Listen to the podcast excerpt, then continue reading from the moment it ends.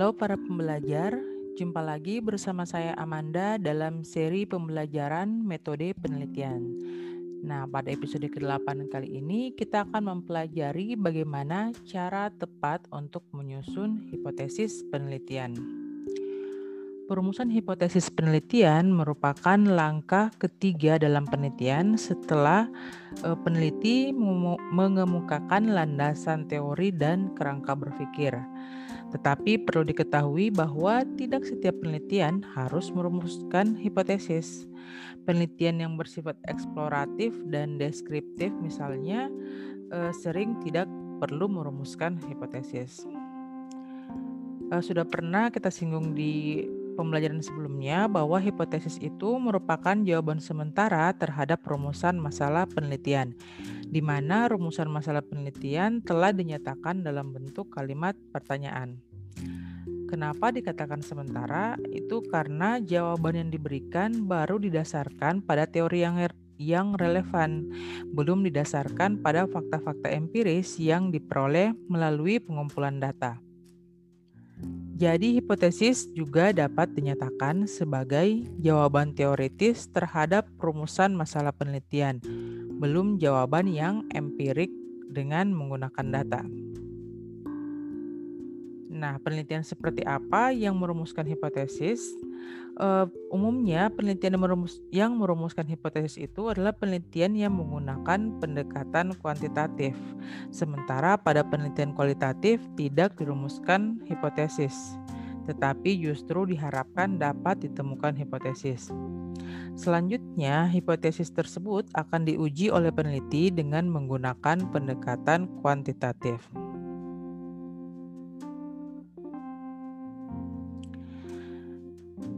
Dalam hal ini, kita perlu membedakan pengertian antara hipotesis, hipotesis penelitian dan hipotesis statistik. Ya, jadi pengertian hipotesis penelitian itu seperti yang sudah dikemukakan tadi. Ya, jadi eh, apa yang saya jabarkan tadi itu merupakan gambaran dari hipotesis penelitian.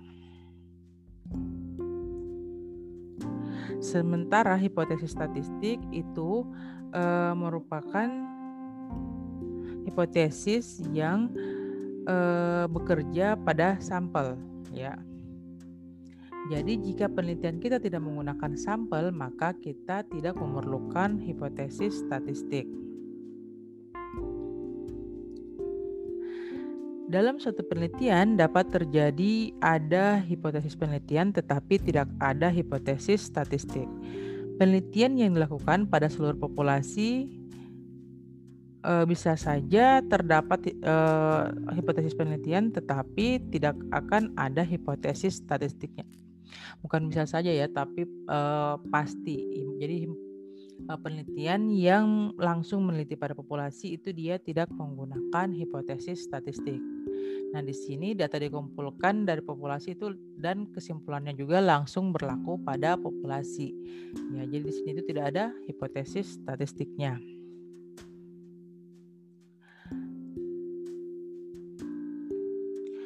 Nah, hipotesis yang akan diuji dalam suatu penelitian itu disebut dengan hipotesis kerja. Nah, sementara lawannya itu dinamakan dengan hipotesis nol atau hipotesis nihil. Hipotesis kerja itu disusun berdasarkan atas teori yang dipandang handal, sedangkan hipotesis nol dirumuskan karena teori yang digunakan masih diragukan kehandalannya. Eh, contoh-contoh hipotesis penelitian yang eh, yang berasal dari penelitian yang meneliti langsung pada populasi di antaranya adalah uh, yang pertama itu kemampuan bahasa Inggris siswa SMA di Kendari rendah ya. Ini contoh dari hipotesis yang deskriptif. Terus tidak terdapat perbedaan prestasi belajar antara sekolah negeri dan swasta. Ini dia komparatif. Uh, yang terakhir, ada hubungan positif antara pemahaman literasi dan kemampuan menyerap pelajaran mahasiswa. Ya, ini untuk contoh uh, hipotesis yang asosiatif. Nah, bagaimana perbedaannya dengan hipotesis pada penelitian yang menggunakan sampel? Kita akan lihat di contoh selanjutnya.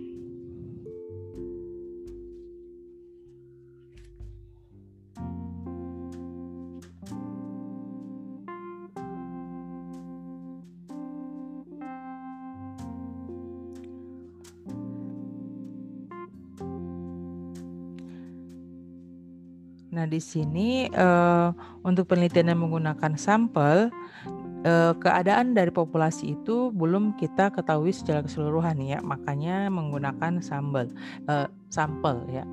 Di sini uh, data dari populasi itu direduksi atau disederhanakan da, uh, dengan menggunakan data dari sampel. Setelah itu apa yang kita dapatkan di sampel kita generalisasi menjadi kesimpulan yang berlaku untuk populasi. Nah, karena kita menggunakan sampel berarti pada uh, penelitian yang seperti ini kita akan memunculkan yang namanya hipotesis statistik ya.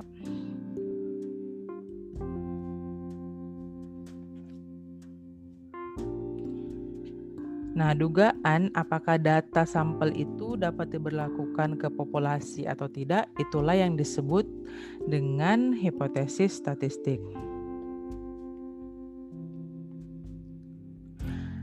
Nah, hipotesis statistik ini diperlukan untuk menguji apakah hipotesis penelitian yang hanya diuji dengan data sampel itu dapat diberlakukan untuk populasi atau tidak. Ya. Nah, dalam pembuktian ini akan muncul istilah signifikansi. Jadi signifikansi ini adalah taraf kesalahan atau kepercayaan dari pengujian. Nah, kalau signifikan itu berarti hipotesis penelitian yang telah terbukti pada sampel dapat diberlakukan ke populasi. Kita lihat bagaimana contoh hipotesisnya uh, lihat ya di sini semua akan menggunakan kata signifikan. Kita perhatikan. Yang pertama itu ada perbedaan yang signifikan antara prestasi belajar dalam sampel dan populasi ya.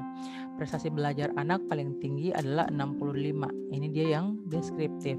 Jadi hipotesis penelitian deskriptif ini umumnya tidak dituliskan dalam rumusan uh, masalah. Yang berikutnya, untuk yang komparatif, terdapat perbedaan yang signifikan antara motivasi belajar siswa perempuan dan laki-laki.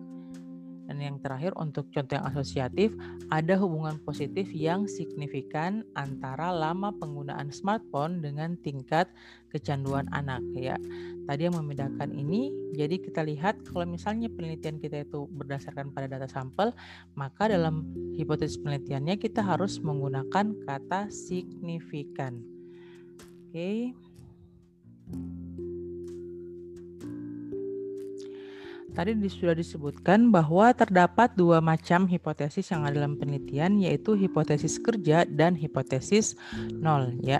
Jadi hipotesis kerja ini biasa juga disebut dengan hipotesis 1 atau H1 dengan uh, atau hipotesis alternatif atau HA ya. Sementara hipotesis nol itu biasa ditulis dengan H0. Untuk hipotesis kerja sendiri, kalau dalam hipotesis penelitian itu dia dinyatakan dalam kalimat positif. Sebaliknya untuk hipotesis nol itu dinyatakan dalam kalimat negatif. Dalam kegiatan penelitian yang diuji terlebih dahulu adalah hipotesis penelitian, terutama pada hipotesis kerjanya.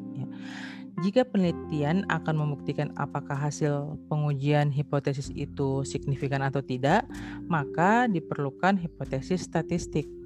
Nah, bagaimana kita menguji hipotesis statistik ini? Itu kita akan menggunakan uh, yang namanya statistik inferensial. Nah, selain statistik inferensial, ada juga yang dikenal dengan statistik deskriptif, yang mana statistik deskriptif ini adalah statistik atau ukuran-ukuran yang bekerja eh, dengan data populasi, bukan ukuran ya, perhitungan yang bekerja dengan data populasi. Sementara tadi statistik inferensial itu merupakan statistik yang digunakan untuk menguji hipotesis ya. Jadi dari hipotesis yang sudah kita buat untuk kita mau uji nanti mana yang akan kita terima yang hipotesis nol atau hipotesis kerjanya maka kita nanti akan menggunakan statistik inferensial.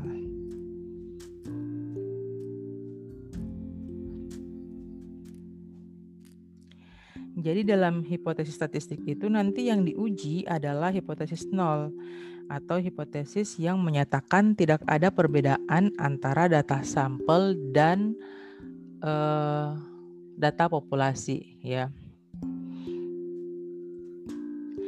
Di sini karena yang kita uji adalah hipotesis nol, Eh, kenapa? Itu karena peneliti tidak berharap ada perbedaan antara sampel dan populasi, ya, atau ada perbedaan antara statistik dan parameter.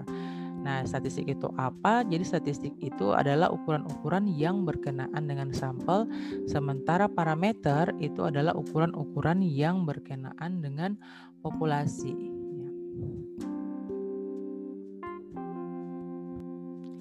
Selanjutnya kita akan e, membahas tentang bentuk-bentuk hipotesis ya. Jadi bentuk-bentuk hipotesis ini dia itu berhubungan langsung dengan bentuk-bentuk rumusan masalah yang sudah kita bahas pada episode sebelumnya ya. Jadi e, seperti dengan rumusan masalah, hipotesis juga itu ada yang berupa hipotesis deskriptif, terus ada yang berupa hipotesis komparatif atau yang membandingkan dan ada hipotesis asosiatif atau yang e, melihat hubungan. Nah, di sini contoh untuk hipotesis deskriptif. Kalau kita punya rumusan masalah deskriptif, di sini ada dua ya. Yang pertama itu berapa lama daya tahan berdiri karyawan toko lulusan SMK. Kalau ini rumusan uh, deskriptifnya, rumusan masalah deskriptifnya, kita bisa buat hipotesis penelitiannya yang untuk hipotesis nol itu adalah daya tahan karyawan toko lulusan SMK sama dengan 6 jam per hari. Sementara alternatifnya berarti yang berlawanan ya dengan ini berarti uh, daya tahan karyawan toko lulusan SMK itu tidak sama dengan 6 jam per hari. Ya. Di sini tidak sama dengan 6, artinya bisa saja lebih besar dari 6 atau lebih kecil dari 6. Nah, kalau ada yang bertanya, dari mana kita dapatkan pernyataan 6 jam per hari ini? Jadi untuk uh, rumusan masalah deskriptif ini bisa kita dapatkan uh, dengan ya untuk menuliskan hipotesisnya kita bisa dapatkan datanya itu dengan melakukan uh, observasi awal ya jadi observasi awal atau data awal Nah, sementara untuk penulisan hipotesis statistiknya kita bisa lihat untuk H0 itu dituliskan mu sama dengan 6 jam per hari. Sementara HA-nya mu sama, tidak sama dengan 6 jam per hari. Yang mana mu ini menyatakan daya tahan karyawan toko lulusan SMK. Untuk contoh yang kedua, itu rumusan masalahnya seberapa semangat mahasiswa perguruan tinggi negeri ya. Di sini untuk hipotesis nolnya, semangat belajar mahasiswa perguruan tinggi negeri paling banyak 75% dari kriteria ideal yang ditetapkan. Ingat kata paling banyak itu artinya dia itu uh, lebih kecil atau sama dengan 75%. Kalau pernyataannya paling sedikit berarti dia lebih besar atau sama dengan Nah, dari sini hipotesis alternatifnya berarti semangat belajar mahasiswa perguruan tinggi negeri lebih dari 75% ya, merupakan lawan atau kebalikan dari kurang dari sama dengan tadi. Kita lihat hipotesis statistiknya untuk H0 itu Rho kurang dari sama dengan 75%, sementara hipotesis alternatifnya atau HA itu Rho lebih dari 75%. Ya. Ingat sekali lagi hipotesis alternatif selalu menjadi lawan dari hipotesis nol. Ya, jadi kalau hipotesis nolnya kurang dari sama dengan berarti alternatifnya menjadi lebih dari. Sebaliknya kalau lebih dari sama dengan berarti alternatifnya menjadi kurang dari. Selanjutnya kita lihat contoh untuk hipotesis yang komparatif. Di sini rumusan masalahnya bagaimanakah prestasi belajar mahasiswa perguruan tinggi X jika dibandingkan dengan perguruan tinggi Y. Kita lihat perbandingan hipotesis penelitiannya ya. Nah, di sini ada beberapa uh, jenis hipotesis komparatif yang bisa kita ajukan untuk menjawab rumusan masalah yang tadi. Uh, yang pertama itu dia menggunakan tanda sama dengan ya. Jadi tidak terdapat perbedaan prestasi belajar mahasiswa perguruan tinggi X dengan perguruan tinggi Y. Atau bisa juga kita tuliskan terdapat persamaan prestasi belajar antara mahasiswa perguruan tinggi X dan perguruan tinggi Y. Karena uh, hipotesis nolnya itu dia mengatakan sama atau tidak ada perbedaan berarti alternatifnya ada perbedaan. Jadi bisa kita katakan prestasi belajar mahasiswa perguruan tinggi X tidak sama dengan perguruan tinggi Y. Jadi tidak sama dengan itu berarti dia bisa lebih besar atau lebih kecil ya. Kita lihat hipotesis statistiknya. Kalau mu 1 itu kita anggap sebagai rata-rata populasi untuk prestasi belajar dari perguruan tinggi X sementara mu2 untuk perguruan tinggi Y, kita bisa tuliskan hipotesis statistiknya seperti ini ya. H0-nya itu mu1 sama dengan mu2, sementara HA-nya mu1 tidak sama dengan mu2. Untuk model yang kedua itu H0-nya itu prestasi belajar mahasiswa perguruan tinggi X lebih besar atau sama dengan perguruan tinggi Y. Ya, berarti tadi lebih besar sama dengan uh, alternatifnya berarti lawannya kurang dari ya menjadi uh, prestasi belajar mahasiswa perguruan tinggi X lebih kecil daripada perguruan tinggi Y.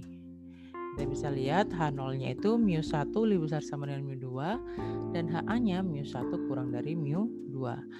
Alternatif yang ketiga atau uh, rumusan yang ketiganya itu kita menggunakan tanda yang kurang dari sama dengan untuk H0-nya. Itu berarti alternatifnya menjadi mu1 lebih besar dari mu2. Kita lanjut ke contoh untuk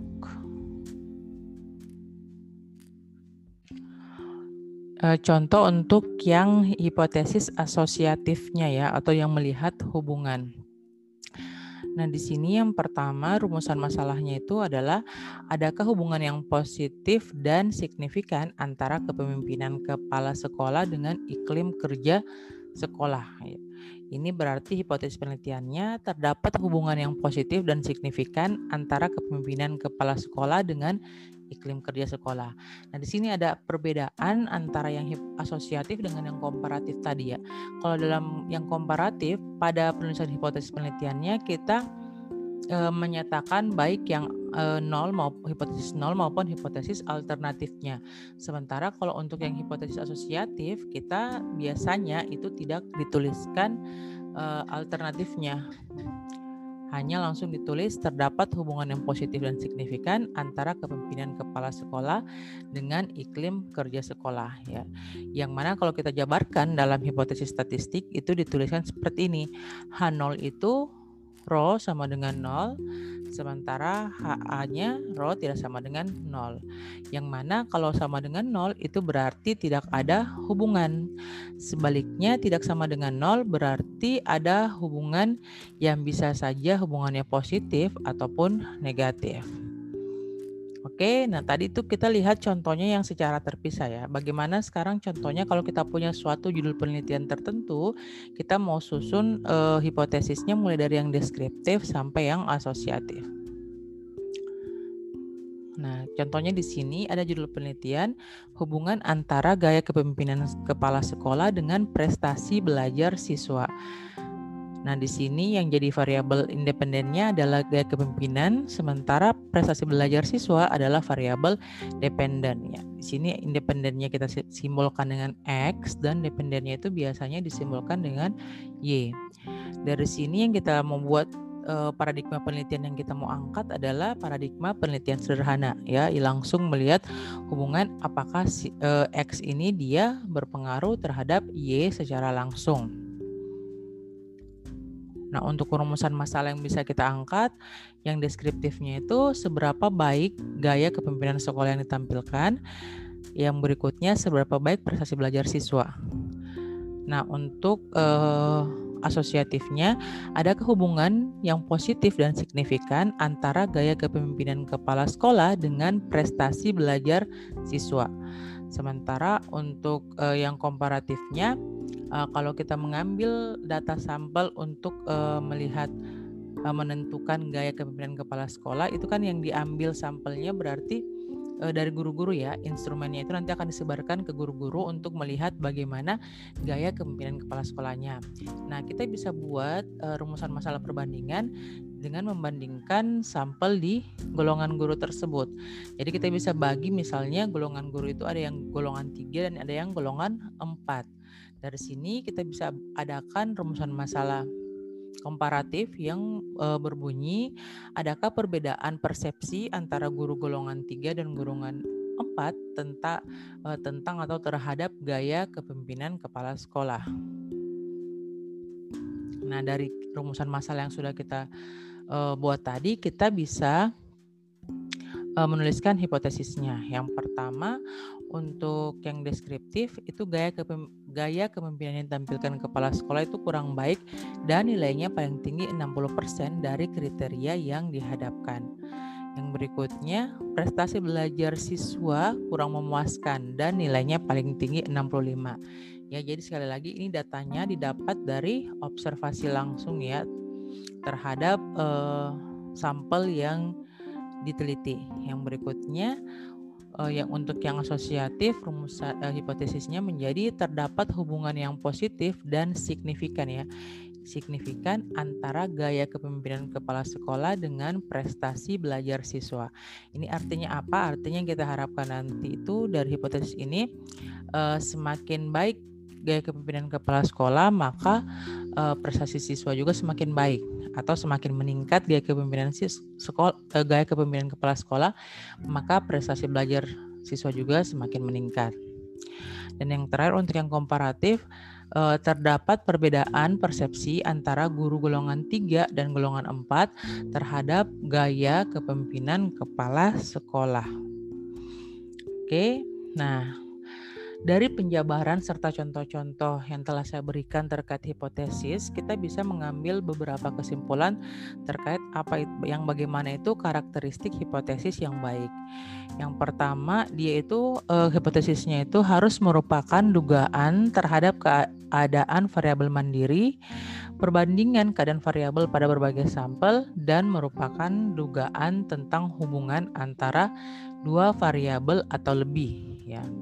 Jadi sekali lagi di uh, di sini biasanya pada penelitian itu hipotesis deskriptif jarang untuk dirumuskan ya. Yang berikutnya uh, hipotesis itu harus dapat dinyatakan uh, bukan dapat dinyatakan tapi dinyatakan dalam kalimat yang jelas ya atau tidak ada kalimat yang ambigu sehingga tidak menimbulkan berbagai penafsiran. Dan yang terakhir, dapat diuji dengan data yang dikumpulkan dengan menggunakan metode-metode yang ilmiah. Ya, jadi kalau misalnya hipotesis yang eh, diterima tapi tidak diuji dengan data yang il, da, dengan data dan tidak menggunakan metode-metode yang ilmiah itu tidak bisa diterima. Ya, jadi seperti itu. Uh, Kesimpulan tadi itu mengakhiri pembahasan saya tentang bagaimana menyusun hipotesis penelitian. Semoga mudah, mudah dipahami dan bermanfaat. Jika ada yang ingin ditanyakan, silakan berikan komentar. Terima kasih atas perhatiannya. Assalamualaikum warahmatullahi wabarakatuh.